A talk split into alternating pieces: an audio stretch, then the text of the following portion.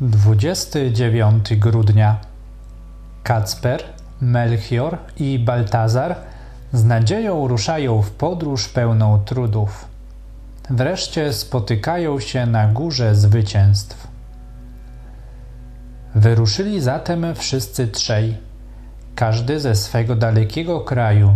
Trzej królowie udali się w kierunku Jerozolimy, słynnej stolicy Królestwa Judei.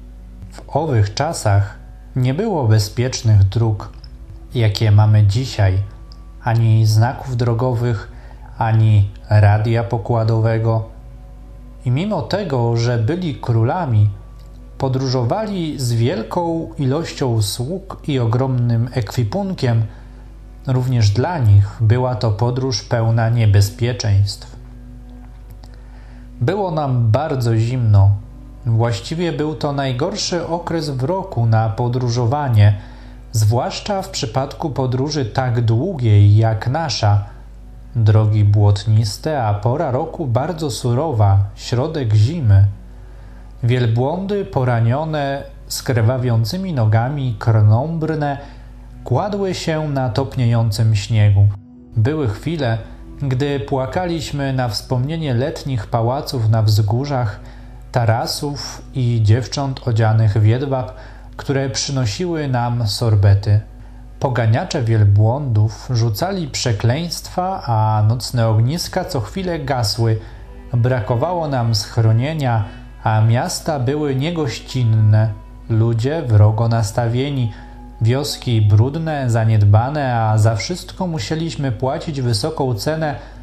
To były dla nas trudne momenty. Ostatecznie woleliśmy podróżować nocą, sypiając jedynie przez chwilę, i te głosy, które wciąż śpiewały nam do ucha, że to wszystko jest jednym wielkim szaleństwem. Aż w końcu o świcie dotarliśmy do cieplejszej, wilgotnej doliny, leżącej poniżej linii śniegu, pachnącej od bujnej roślinności, z szumiącym strumikiem i młynem wodnym, który terkotał w ciemności. Ujrzeliśmy trzy drzewa na tle niskiego nieba i starego białego konia, który biegał po pastwisku.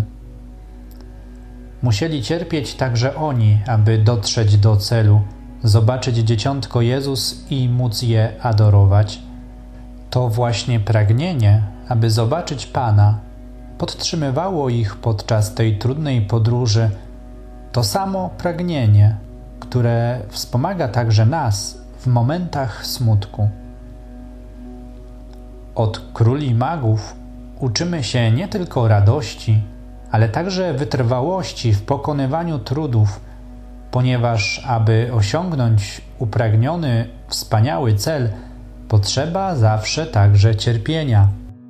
Oto przepowiednia Balaama, którą znali magowie – Balaamowi udało się zobaczyć narodziny Jezusa 1500 lat wcześniej.